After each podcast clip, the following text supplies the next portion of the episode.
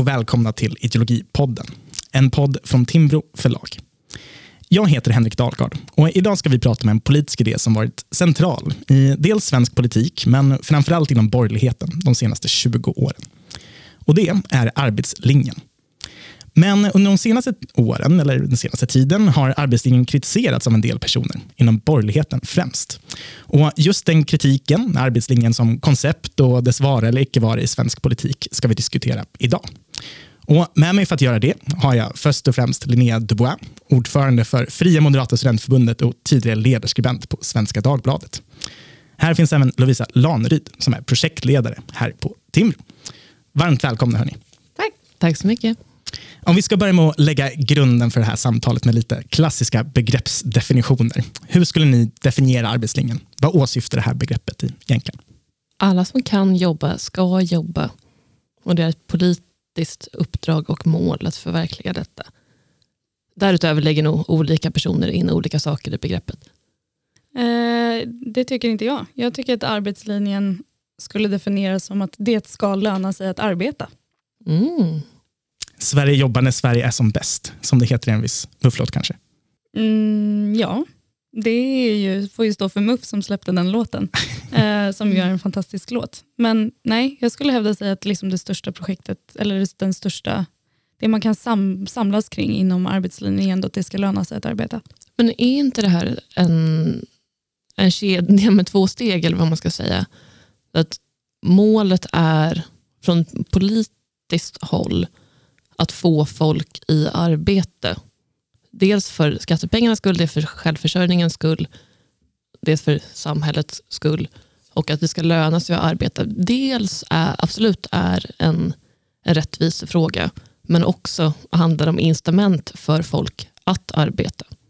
Ja, det står ju på två ben. Alltså man kan ju ha det ska, du ska bidra eller det ska alla som ska jobba ska jobba och så vidare. Men jag skulle säga att den borgerliga delen, alltså det liberala perspektivet inom arbetslinjen ändå måste vara först och främst att det ska löna sig att arbeta. Alltså, det kan ju vara, det handlar ju om en rättvisefråga. Att anstränger du dig så ska du, skapar du värde för andra människor så ska du också få liksom behålla de pengarna och få mer, eh, få någonting för det helt enkelt. Det där är jätteintressant, för det är väl den mer sympatiska delen av det hela.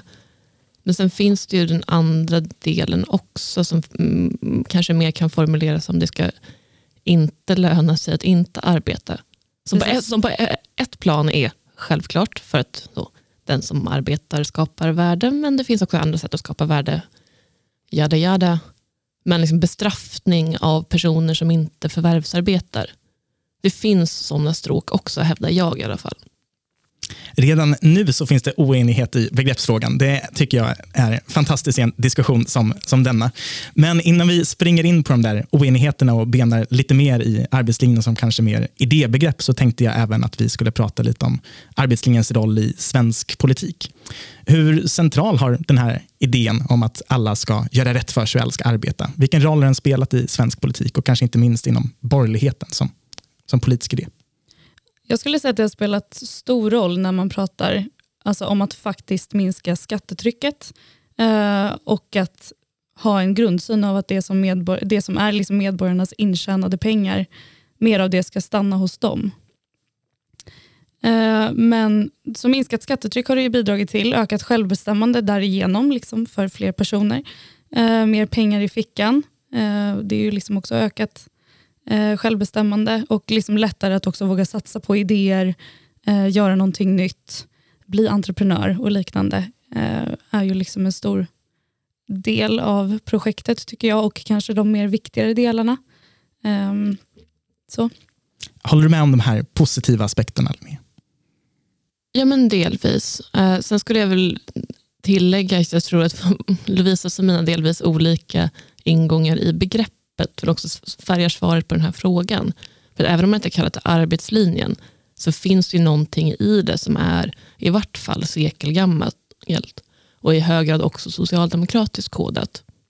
Rörelsen mot att så stor andel av befolkningen som möjligt ska arbeta, ska ha en inkomst. Hela liksom andra halvan av 1900-talets reformer för liksom barnomsorg och det ena med det andra syftade ju till att få så många som möjligt i arbete. För produktiviteten, för tillväxten. Absolut också för självbestämmandet, vilket kanske är mer borgerligt kodade. Men på den socialdemokratiska sidan så har ju alla händer som kan producera ska producera för liksom statskassan och BNP. Men det tycker jag inte är eh, arbetslinjen så som den är formad i svensk borgerlighet.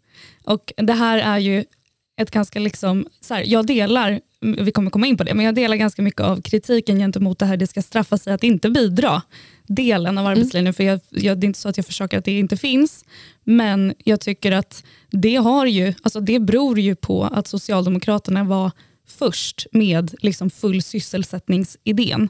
Och tyvärr, så som det ser ut i Sverige och har sett ut i Sverige under väldigt lång politiskt, liksom, under ja, de senaste hundra åren, så har ju mycket av socialdemokratin fått styra liksom, diskursen kring hur vi ser på just begrepp och liknande. Och borgerligheten har ju kanske anpassat sig då för mycket till den här idén om full sysselsättning, mm. vilket gett ar vår arbetslinje, eller vad man ska säga, um, alltså det, det, har haft negativa implikationer på det som var, liksom, det som var ja, men på vår syn på arbetslinjen. Men jag tror att den borgerliga, alltså det man kan enas kring och det som är den i grund och botten den borgerliga arbetslinjen handlar just om ökat självbestämmande för individer. Att det ska löna sig att arbeta, att ger du värde till samhället och till andra så ska du få betalt för det och få behålla mer av dina pengar.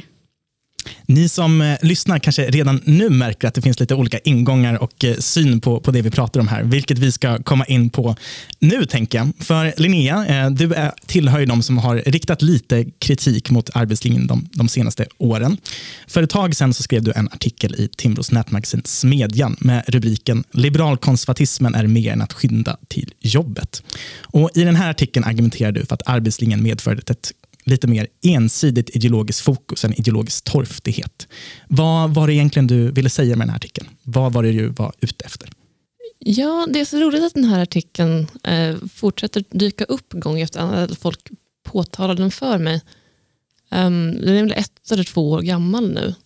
Men eh, grundtanken i den um, handlar om att problematisera när arbetslinjen görs till ett överordnat um, borgerligt mål och en liksom ideologisk basplatta, eller i varje fall det enda man behöver artikulera som ideologi.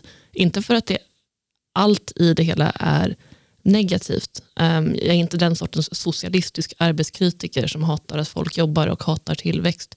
Och jag är heller inte så icke-pragmatisk att jag inte förstår att folk som ägnar sig åt praktisk politik faktiskt också behöver ta hänsyn till skattebaser och det ena med det fjärde. Men vi måste hålla tungan väldigt precis rätt i mun när vi pratar om arbetslinjen. Vad den innebär och att Lovisa och jag är oense där är väl ett tecken i sig på att det är lite ospecifikt vad man menar. Men vad menar vi? Um, vad finns därutöver? Um, och vad är mål och vad är medel? För annars, det gäller inte minst de liksom borgerliga pragmatiker som gärna gör sig till experter på att administrera politiken och offentliga systemet. Jag tänker inte apostrofera folk här. Eh, det finns människor som ägnar sig mer åt det, som har många fina sidor och nog är skickliga politiker. Men den borgerliga idédebatten måste omfatta mer. Annars tappar vi helt perspektiven på vilken sorts samhälle det är vi vill skapa, hur vi ser på människan, vad som är gott, vad som är möjlighet, vad som är skyldighet, vad som är påbjudet, vad som är erbjudet. Um, och inte minst den pluralism och bejakandet av pluralismen som finns i vart fall inom liberalismen, men skulle jag hävda även inom liberalkonservatismen. Men är det liksom mer att du tycker att borgerligheten fokuserade för mycket på att förvalta systemen, att man skulle tweaka eh, lite reformer där och lite reformer här och få människor att gå till jobbet och därmed tappade lite mer den, den långsiktiga idémässiga perspektivet? Är, är det det du är lite på inne på här i, i resonemanget? Ja, men så, så skulle man nog kunna uttrycka det. För det finns ju verkligen en poäng att så länge vi har en välfärdsstat så behöver den finansieras gemensamt. Det finns något djupt orättfärdigt i att vissa ska betala för alla andra och tvingas till det genom liksom, statlig omfördelning. Men att systemet som det nu ser ut förutsätter den sortens upplägg och att man vill tweaka det, um, tycker jag um, på sina håll faller över i en målbild som är väldigt likriktad och som inte i grunden är borgerlig. Alltså, um, den här liksom, skattetekniska nödvändigheten, givet den välfärdsstat vi har, har blivit ett drömsamhälle där alla liksom tar sin portfölj och springer till jobbet. Alla vuxna i en familj och alla vuxna utan familjer och helst också 16-åringarna. ja, men 9 till 5 jobbet, lönearbetet. Det är enkelt, och tydligt, det är lättbeskattat och det är väldigt, väldigt konformt. Men att alla ska leva exakt samma svenssonliv är inte min liberalism. Och det är, nog in, det är inte den svenska borgerlighetens enda väg, vare sig historiskt eller framåt. Håller du med om den här kritiken Lovisa? Alltså, ja, men jag tycker att det handlar, jag tror nog att det handlar mer om att när man väl har fått makten och när man väl skulle försöka liksom vinna makten efter väldigt, väldigt lång tid av, av socialdemokrati så var man tvungen att lägga liksom lite diskursanalysen, om man får ta det begreppet, på liksom Socialdemokraternas planhalva. Mm. Och då får det sådana här implikationer på det som vi då liksom har kommit att kalla för arbetslinjen. Men jag tycker kanske inte att eh, arbetslinjen, om vi hade kunnat formulera det på en liksom mer neutral spelplan, troligtvis hade liksom fått sådana implikationer att det blir mer komfort, komfort eller vad heter det? Konformt. Konformt, exakt. Um, för så blir det ju. Uh, men jag tror att det är för att man helt enkelt delvis har en, liksom, en budget att förhålla sig till när man styr och man kan inte räkna in dynamiska effekter och allt handlar bara om ettor och nollor, liksom det vi, eller minus och plus. Liksom allt måste gå ihop i slutet. Det skapar liksom en inneboende uppressning av skatten eh, som gör att man, fler måste jobba liksom, Eh, för att man ska kunna finansiera det. Jag tror att det också handlar just om att Socialdemokraterna har styrt liksom, lite verkligheten för människor och då behöver man ta sig an det på ett annat sätt. Men jag är övertygad om att grundidén är god, alltså det vill säga att det ska löna sig att arbeta och att det ska liksom um, att du ska få värde för det du skapar oavsett om det inte är 9 till 5 jobbet utan även som frilansare eller som konstnär eller lika, liknande är liksom en god idé. Och Det gjorde man ju också genom att så här, sänker du, eh, sänker du liksom inkomstskatten och gör det lättare att kunna vara frilansare och gör det lättare att kunna liksom ha eh, en egen ekonomi, egen ekonomi sammanblandad med ditt företag eller liknande så öppnar du ju också upp för massa andra typer av eh, jobb och sätt att få betalt. Eller vad man ska säga, som ju då också beskattas. Så Jag tror att det är både det socialdemokratiska arvet och eh, den budgettekniska delen som har påverkat borgerliga politiker att i alla fall behöva liksom strömlinjeforma det på det här sättet som låter väldigt mycket som full sysselsättning. Jag är helt, jag är helt enig om det. Men då tycker jag snarare att man ska försöka övervinna den gamla idén, eller den tror jag mer ideologiska idén och den, det liberala i det som eh, är arbetslinjen, snarare än att liksom byta idé. Och här är jag helt enig med dig i, i princip allt du precis sa. Eh, och det jag försöker göra när jag utmanar slentriana användningen av arbetslinjebegreppet är ju kanske egentligen att komma tillbaka till den diskussionen. Alltså vad menar vi egentligen? Vad är det vi tycker är moraliskt rätt i det här? Och vad är nödvändigheter som inte är de existentiella delar av vårt projekt? Ehm, kan vi inte snarare sätta fingret på att det finns någonting i välfärdsstaten som är instängt, existentiellt instängt, samtidigt som vi tycker att självklart ska arbete löna sig. Även oavsett om det är lönarbete eller inte lönarbete. Precis. Men ja, jag tror att den politiska verkligheten som politiker befinner sig i förstör lite av det här. Och Det är därför vi sitter och pratar i Ideologipodden och pysslar med det vi gör eh, och inte eh, sitter på Finansdepartementet.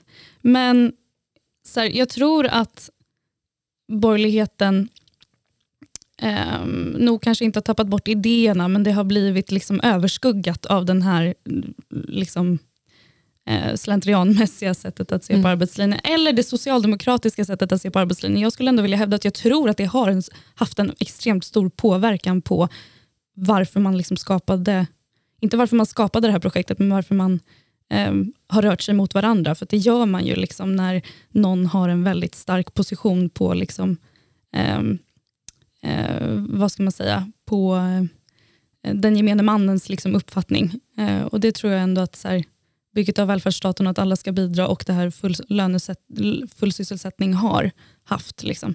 Som ju är, tycker jag, det är ju ett socialdemokratiskt projekt och så försökte man forma ett svar ut efter det, men det är klart att det kommer påverka det svaret. Liksom. Men jag tror att grundantaganden, alltså de eh, idéerna som låg bakom, nog, där finns det ju liksom de liberala stråken som är fortsatt värda att fokusera på. Så att, ja, det skulle jag säga är liksom det viktiga. Så att mer fokusera på just att det ska löna sig att arbeta, men jag tror att just den legitima kritiken ligger i att det har liksom byggts in en del att det ska vara jävligt svårt att vara arbetslös. Liksom. Eh, du ska bli kallad eh, till Arbetsförmedlingen och du måste gå på möten och liknande. och liknande. Eh, och Det kan man ju liksom ändå ställa sig kritisk till för att det pressar folk in i en viss typ av uppfattning om hur man ska jobba. Liksom. Ja, just det där är ju någonting som jag personligen också kan hålla med om. Att eh, just som ni båda är inne på här, att när arbetslinjen, det, det har ju en, både en socialdemokratisk och en liberal bas som ni är inne på, men jag upplever också under den senaste tiden att det politiska projektet har blivit väldigt formande. Att man liksom ska forma arbetande individer som ska bidra till den kollektiva eh, välfärden och liksom det, det kollektiva samhället. Men just det här med välfärdsstaten är ju en liten komplicerande faktor när vi liberaler sitter och dels diskuterar de liberala dragen i arbetslinjen men också den liberala kritiken av den. För om man lever i ett samhälle med offentliga institutioner som eh, en välfärdsstat innebär, offentlig finansierad skolgång, offentlig finansierad sjukvård, eh, och det är institutioner som många liberaler även ställer sig bakom, så måste de finansieras på något sätt. Och Det görs ju främst genom att människor arbetar, betalar in skatt och på så sätt skapar värde. Och Det här var en problemformulering som du var inne och snuddade lite på Lovisa i en text i somras som blev minst sagt uppmärksammad. Och Det var också en text i vårt nätmagasin Smedjan med rubriken Backpackingens sanna nota. Och I den här texten så var du inne på och skrev att ungas backpackingresor och alla de där åren på folkhögskola för att finna sig själv har en stor alternativkostnad. Både samhällsekonomiskt men för människor själva. Vad var det där för alternativkostnad som du skrev om? Ja, alltså det jag ville göra med texten var att just trycka mer på att det borde löna sig mer att arbeta. Och Tittar man på siffrorna för Sverige idag så eh, gör det ju inte det. Och Jag tror att det är en bidragande faktor till att folk eh, kanske inte liksom ser sitt eh, beslut kring vilken utbildning man ska, man ska välja som liksom ett investeringsbeslut och istället liksom ett konsumtionsbeslut. För att vad spelar det egentligen för roll när det är en så pass liten löneökning jag får av att, eh, av att studera. Um, och jag tror um, att det borde liksom, vi skulle må bra om vi tog ja, vi, vi, skulle nog fatta bra beslut och kanske också vara lite mer förtjänta av att låta det avspeglas större i valen. Liksom. Um, och Det blir ju en alternativkostnad både liksom i det lilla men också i det stora. Så är det ju. Eh, det som vi sa. Och Man skulle kunna säga att ja, men då ska vi ha ett, eh, vi kanske ska ha en mindre stat eh, och man kanske ska betala lite mer egna studieavgifter eller liknande om man vill liksom komma bort från det här för att alla ska bidra-delen. Um, och Jag tror att det folk blev arga över var väl att man drog slutsatsen att jag egentligen hatar humaniora och bildning uh, och att jag bara vill att folk ska jobba, lite det som liksom Linnea är inne på i sin eh, Eh, text, men det är ju liksom så långt ifrån sanningen man kan komma. Eh, jag tycker nog bara att man borde liksom reflektera över alternativkostnader mer i val av utbildning och yrke. Eh, och att det har egentligen ingenting att göra med hur viktigt det är att bilda sig. Liksom. För det tycker jag verkligen. Men det finns ju fler sätt att göra det på. Linnea, du var en av de som läste den här texten och kanske reagerade lite på en ingress eller två. Eh, vad, vad kände du över det här resonemanget? Ingressen möjligen, men jag utgår från att det inte var skribenten som skrev ingressen, utan någon anonym redaktör på redaktionen som kan ha hetat Henrik. För till skillnad från väldigt många andra så valde jag att tolka Lovisas text välvilligt. Dels för att jag vet att du är en bildad människa, men också för att grundresonemanget, om man faktiskt läser vad du har skrivit, inte är alls normerande på det sättet, utan snarare handlar om blottlägga vad saker och ting kostar för att möjliggöra för människor att fatta informerade beslut, göra informerade val och själva prioritera. I en värld där arbete hade lönat sig, i bemärkelsen då det värde du skapar eh, sett genom eh, andras ögon, för det är så värde uppstår, att någon efterfrågar det du gör. Eh, att du får behålla det upplevda värdet och att du sen kan använda det för att prioritera vad du konsumerar eller investerar i, så hade vi fått betydligt mer rättvisande valmöjligheter. Om du då väljer att prioritera förkovran eller kulturverksamhet som också skapar enormt värde för samhället och människan, även om det inte fungerar fullt lika bra på en liksom, lönemarknad nödvändigtvis, så hade det lett till en bättre liksom, och mer rättvisande val, ett, ett vallandskap. Eh, och förhoppningsvis en pluralitet som jag inte uppfattar som att du invänder mot, Lovisa. Nej precis, jag tror att det blir nog att fokuset låg på eh, mer liksom min, min grundansats var väl mer kanske det här inte belasta snarare mm. än bidra. Men fokus blev liksom ja, men just det här du måste bidra. Alltså folk läste min text som att jag menade att folk måste bidra. Medan jag tänkte mer på att liksom, du kan inte eh, du ska inte belasta liksom, det som du, man måste liksom tänka längre i de besluten som man, som man gör. Men det är också svårt att göra det när allting är i princip gratis fram tills dess att du kraschmöter verkligheten och då känner dig lurad. Liksom. Mm. Eh, det skulle jag säga. Och gratis betyder egentligen avgiftsfritt i bemärkelsen att någon annan betalar. Precis.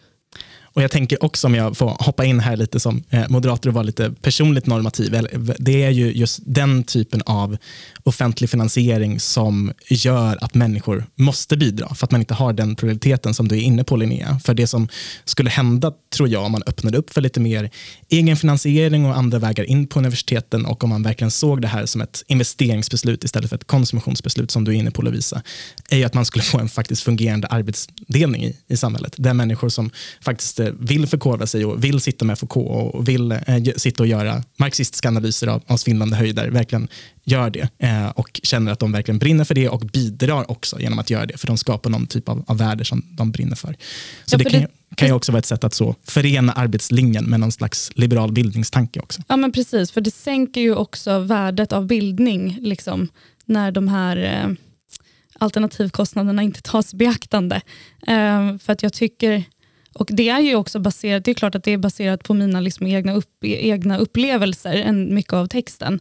Och Det är ju för att jag kommer själv ifrån att ha liksom spenderat väldigt mycket tid med just eh, musik liksom, i mitt, den privata delen av mitt liv och lagt otroligt mycket eh, arbetstid, eller inte arbetstid, men alltså icke betald arbetstid på just musiken.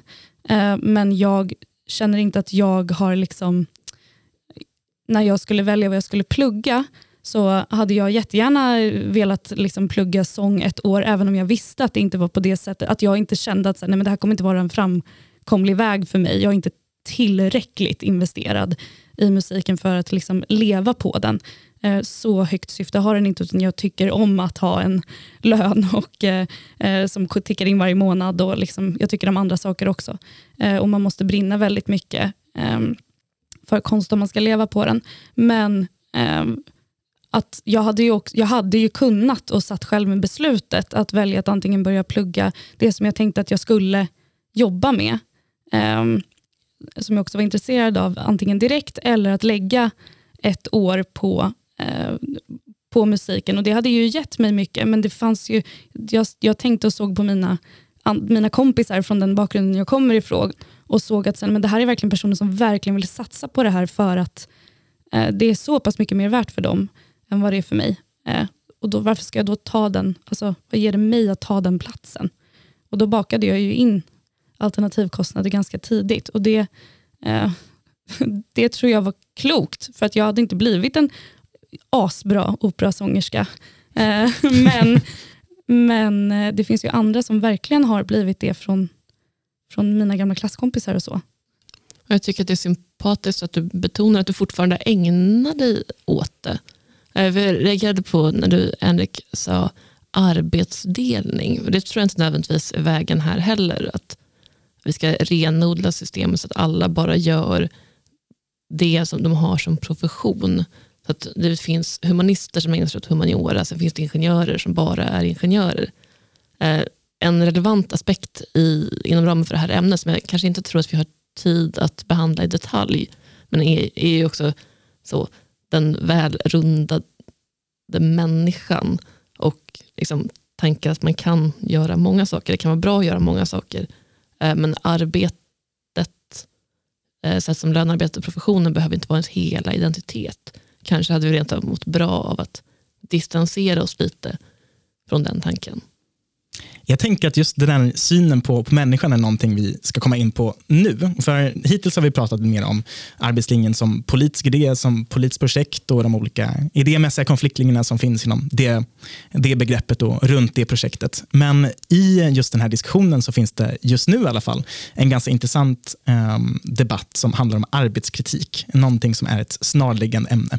Och Linnea, jag vet ju att du, det här är ett ämne som du intresserar dig mycket för och att du kanske har hämtat lite inspiration i din kritik av arbetslinjen från det här fältet. Och du har hämtat kritik från lite oväntat håll, har jag fått höra i alla fall. Du har läst lite utopiska marxister, du har läst Marx och en tysk sociolog. Vad är det du har hittat här och vad tycker du att liberaler bör eh, lära av dina fynd? Åh, nu ska man vara försiktig här. Eh, för det det är nog inte så att jag hämtar inspiration från liksom socialister på samma sätt som jag hämtar inspiration från säg, Hayek eller andra människor som har grundvärderingar som överensstämmer med mina.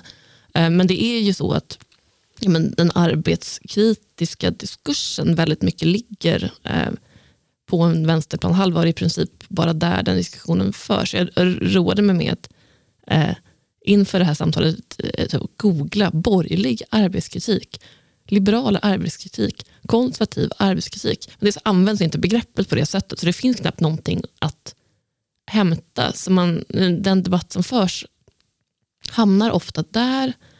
Um, och väldigt mycket går ut på att uh, men, vi borde arbeta färre timmar, vi borde få betalt ändå, uh, pengar ska bara dyka upp uh, på något magiskt sätt. Och liksom om, omfördelningen är en del av här, den här ekvationen. Vi gör egentligen inte det vi vill.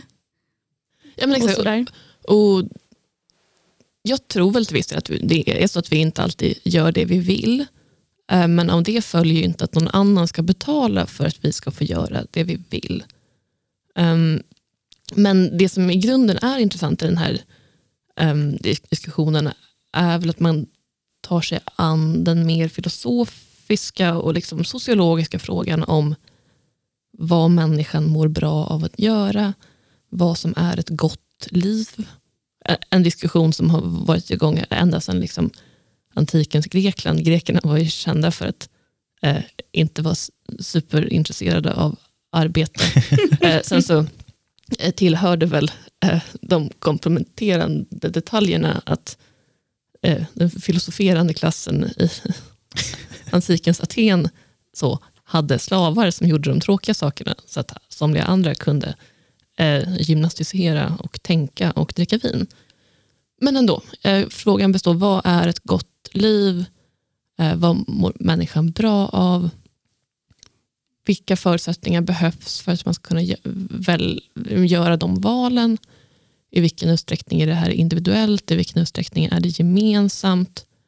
Ehm, skulle vi inte må bättre av mer tid med familjen, i naturen, med att göra saker med våra händer där vi ser slutresultatet. Är alienation inte trots allt kanske ett problem? Mår inte folk ändå ganska dåligt i viss utsträckning? Alltså, det, det finns ett frågekomplex här som är intressant. Jag skulle väl önska att vi var fler på den liksom stabilt borgerliga kanten som tog oss an de här frågorna.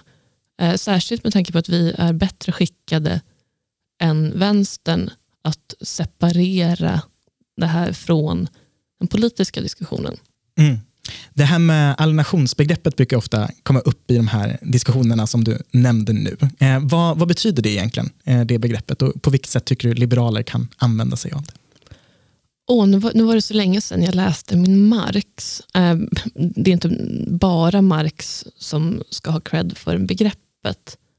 Eh, men förfrämligandet av det skapade från skaparen är väl nyckelbegreppet. Liksom, Marx exemplifierar med liksom, så industriell produktion i kontrast mot en gammal hantverksproduktion där det satt en gubbe och byggde en stol och han kunde följa stolens väg från början till slut. Vilket gav en känsla av wow, jag har skapat den här historien har tillfört någonting till världen.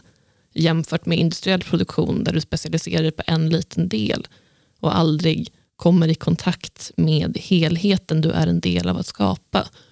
Och Tanken är väl att det skapar en känsla av meningslöshet som människor tar tar skada av på ett ganska djupt plan. Vad säger du Lovisa? Tycker du det här är också spännande tankegångar som det finns lite guldkorn för oss liberaler att finna i? Ja absolut. Jag tycker väldigt mycket av den senaste liksom, kulturdebatten med Norrköpingsexemplet eh, är liksom eh, man kan hämta vissa grejer även där och jag tycker att Fredrik Segerfeldt skrev liksom väldigt bra om att det just inte behöver vara så utan just för att vi har vissa automatiserade industriella liksom, Eh, processer och vi har ett, skulle jag ändå säga, tack vare det har liksom ett högre välstånd så finns det mer tid åt att kunna ägna sig åt eh, både att arbeta kanske lite mer eh, meningslöst men också kunna då göra väldigt mycket mer av mening på sin fritid. Eh, men det är ju också mer då upp till individen att, eh, vad man då väljer att göra. Och Jag tycker att det finns ett problem som vänstern har i att man moraliserar ganska mycket över de här frågorna men har ju aldrig riktigt något svar på vad man vill göra istället. Framförallt inte i form av, alltså Marx hade ju det för, för den tiden, men, men framförallt inte nutida. Eh, och, och, Det är ju lite eh, svårt att liksom ta sig an, okay, men vad är det man vill då istället? Eh, hur ska det fungera? om vem, vad, vad ska pengarna komma ifrån för att ändå kunna finansiera att pyssla med exakt det man vill hela tiden. Är det en mänsklig rättighet att göra eh, det man vill och det som känns meningsfullt eh, hela tiden och få leva av det? Jag tycker nog inte det, utan jag tycker nog att man kan finna ganska mycket mening eh, i andra delar och att man kan finna ganska mycket mening i, i liksom ett arbete ändå, även om det är mer automatiserat idag. Men verkligen. Eh, jag skulle väl säga att det är en mänsklig rättighet att eh, göra det man vill i bemärkelsen eh, äga sin tid. I negativ bemärkelse. Däremot har man ingen positiv rättighet att bli underhållen när man gör det. Ehm, och där är det ju i idealsituationen upp till människan själv att välja. Så lever jag för att arbeta eller arbetar jag för att leva? Man skulle vara öppen för att konstatera att det finns olika sorters jobb. Vissa känns mer meningsfulla än andra. Vi som sitter i det här rummet är väldigt lot lyckligt lottade i det avseendet. Eh, gissar jag, utifrån min vetskap vad ni gör. I alla fall. Vi trivs på jobbet, vi gör saker som vi tycker känns vettiga och meningsfulla. och sådär. Sen gör vi saker på fritiden också, men det är ganska nice att gå till jobbet. Medan det finns andra eh, arbeten som kanske inte är lika eh, lika djupt meningsfulla. Nu säger jag inte att man inte kan eh, finna mening i exempelvis så enklare sjukvårdsarbeten eller liksom eh, äldreomsorg. Sånt kan vara supermeningsfullt. Men det finns jobb som kanske inte är det personen hade gjort helst. Som man definitivt inte hade gjort om man inte hade fått betalt för det. Men där man kanske ändå gör, var öppen för att människor gör valet att men, jag arbetar för att få en inkomst så att jag kan leva och sen på min fritid så gör jag det jag tycker är meningsfullt. Eh, och förhoppningen är väl kanske att när automatiseringen når framåt, att en högre andel människor ska kunna ha jobb som känns meningsfulla. Men det är ju inte ett politiskt beslut att se till att det blir så. Nej, men och det kan man väl, om man ska vara lite eh, hardcore nyliberal, också säga att det som möjliggör saker, att vi kan faktiskt ägna sig åt att eh, göra de sakerna som vi verkligen brinner för, är ju ekonomiska framsteg. Eh, anledningen till att vi inte längre behöver stå nere vid Hammarby sjö som Lotten gjorde i Mina Drömmar stad och tvätta kläder en, en vinternatt utan istället kan slänga in dem i en eh, tvättmaskin och istället sitta och läsa en, en bok av sin favoritförfattare är ju för att de materiella framstegen har skett. Och det kommer just genom den eh, frihet och eh, den dynamik som finns på fria marknader och eh, det arbetsideal egentligen eh, som också finns där också. Men eh, Lovisa, när vi satt och pratade lite om det här tidigare idag och diskuterade vad vi skulle prata så hade du hittat lite inspiration för en mer sympatisk syn på, på arbete. Ja. Vad är det för bok du sitter och håller här? Jag sitter faktiskt med Ayn Rand, Lovsång. Och i förordet till den texten så hittade jag ett eh, väldigt, ett väldigt spännande stycke. Om jag får läsa upp det så tänkte jag att jag skulle göra det. Eh, tvångsuttagning till arbetstjänst utövas eller förespråkas nu i vartenda land på jorden. Vad grundar sig detta på? Om inte på uppfattningen att staten är bäst skickad att avgöra var en människa kan vara till nytta för andra, att denna nyttan är det enda man ska ta hänsyn till och att hennes egna mål och önskningar eller hennes egen lycka ska ignoreras och inte tillmätas någon vikt. Så att därmed, det tänker jag är ju kritik mot arbete, men i form av att liksom den statliga styrningen av arbetet som mm. vi var inne på med eh, arbetsförmedling och liknande. Um, och så blir det ju att det finns liksom en vad ska man säga, kolossal kaloss med väldigt starka, um, liksom, um, med väldigt stora delar av liksom staten som vill tvinga dig till arbete. Arbetsförmedlingen är väl bara ett exempel, men det finns också en massa låtsasjobb som inte ger, liksom, som vi eh, betalar för eh, genom subventionering, men som ändå inte ger liksom, ja, men när de subventioneringarna går ut så finns liksom inte arbetet kvar. Så att det finns ju ingen efterfrågan på de här arbetena. Så att på ett sätt så tycker jag att det finns liksom värdefull kritik hos Rand och hos andra eh, vänsterdebattörer, till exempel eh, Roland Paulsen. Eh, men det är egentligen inte en kritik Alltså vänstern vill få det att framstå som en kritik mot marknadsekonomin, men jag skulle säga att det egentligen är en kritik gentemot staten, mm. som de delar. Um, så här har jag ändå hittat ett, eh, jag höll på att säga borgerligt exempel, men ett väldigt, väldigt, det beror på vad man vill säga att Ayn Rand skulle vara.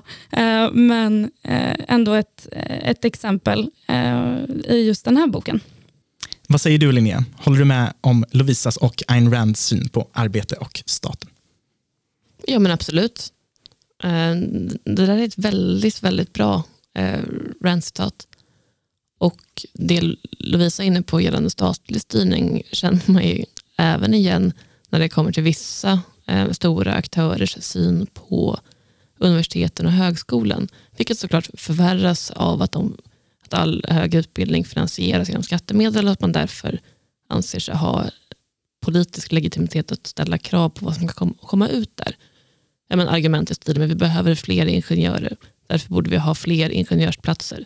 Vi behöver inte så många humanister. Varför har universiteten så många platser på sina humaniorakurser? Då utan omsorg om eh, kvaliteten på utbildningen som eventuellt skulle kunna användas för att argumentera för en smalare humaniora än vad vi har idag. Med tanken att de högre lärosätena är fabriker för att producera arbetskraft i enlighet med statens och marknadens behov. Det är verkligen en liksom, mekanisering och instrumentalisering av utbildning och av beslut som människor borde få fatta själva. Mm. Men på ett sätt som bara hade varit möjligt om det gemensamma välfärdsåtagandet hade varit mindre och människors rådighet över sina egna pengar och sin egen tid och sina egna prioriteringar hade varit större. Mm. Och Jag tänker att eh, någonting som vi var inne och snuddade på i början verkligen eh, artikuleras här. Och Det är ju verkligen att om man minskar omfattningen på det offentliga eh, så arbetar ju människor i, i mindre utsträckning för kollektivet, för staten och mer för sig själva. Och Det är väl en grundbotten en ganska liberal take på, på arbetslinjen. Att man inte ska eh, eh, tvingas bidra för eh, det gemensamma utan bidra till sig själv och sina nära och kära. Men jag tänker, nu har jag sett att eh, tiden har sprungit iväg för oss här eh, väldigt mycket. Så vi har ju nått någon slags form av enighet här på, på slutet i alla fall. Men ni har ju ändå olika ingångar till arbetslinjen, både som filosofiskt begrepp men som eh, politisk idé och liksom som, som praktiskt tillämpad inom politiken. Så vad tror ni och vad tycker ni? Kommer arbetslinjen fortsätta vara i centrum för det borgerliga idéprojektet och det politiska projektet eller behövs det någonting nytt? Tror väl tyvärr att det kommer fortsätta vara centralt. Eh, delvis av den diskussion vi hade i inledningen om den krassa nödvändigheten. Eh, siffrorna på hur liten andel av befolkningen som finansierar välfärden för hur många är nedslående och att eh, om man ska ta bladet från munnen, montera ner systemen kommer ta lite tid.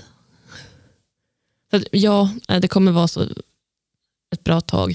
Men just därför tror jag att det är extra viktigt att vi parallellt öppnar för en bredare borgerlig debatt om vad vi vill långsiktigt, vilka grundvärdena är, um, vad som är medel och vad som är mål, för att inte glömma bort oss själva på vägen ut ur den djupa soc-staten. Håller du med Lovisa? Alltså, jag tänker att arbetslinjen, alltså ja, det finns, om vi tar bottenplattan, vi kommer behöva fortsätta prata om arbetslinjen för vi måste ha någon typ av alternativ gentemot full sysselsättningsidealet mm. hos Socialdemokraterna. Så, men eh, om vi ändå skulle kunna skruva lite i hur vi pratar om arbetslinjen från borgerligt håll och få liksom mer emfasis på att det ska löna sig att arbeta, så tror jag vi hade varit förtjänta av det. Eh, för precis som du säger så handlar det ju inte... Jag tycker att det ska vara lätt att bidra. Det vill säga att det ska vara eh, du ska få behålla mer av din lön, det ska vara ett lätt alternativ, det ska vara lätt att bli entreprenör som ofta kanske ser och tänker på det som eh, den, den stor, det stora samhället aldrig kommer kunna se. men det ska liksom inte vara lätt att bidra för bidragandets skull, utan för att det ska vara lätt att bidra för andra människor och för sig själv och liksom för det värdeskapande i det. Det får bli kloka slutord. Jag får tacka så hemskt mycket att ni har lyssnat. Eh, Linnea efterlyste bred idédebatt. Det tyckte jag att vi hade i den här studion. Vi hade allt ifrån Karl Marx till Ayn Rand. Eh, så tack så jättemycket Linnea och Lovisa för att ni har kommit hit och diskuterat och debatterat. Tack själv. Tack. Om ni gillar det vi gör här i Ideologipodden och på Timbro i stort får ni gärna surfa in på iTunes eller där ni lyssnar på podden och ge oss en rating. Det hjälper oss väldigt mycket. Men då får jag säga stort tack för att ni har lyssnat. På återseende.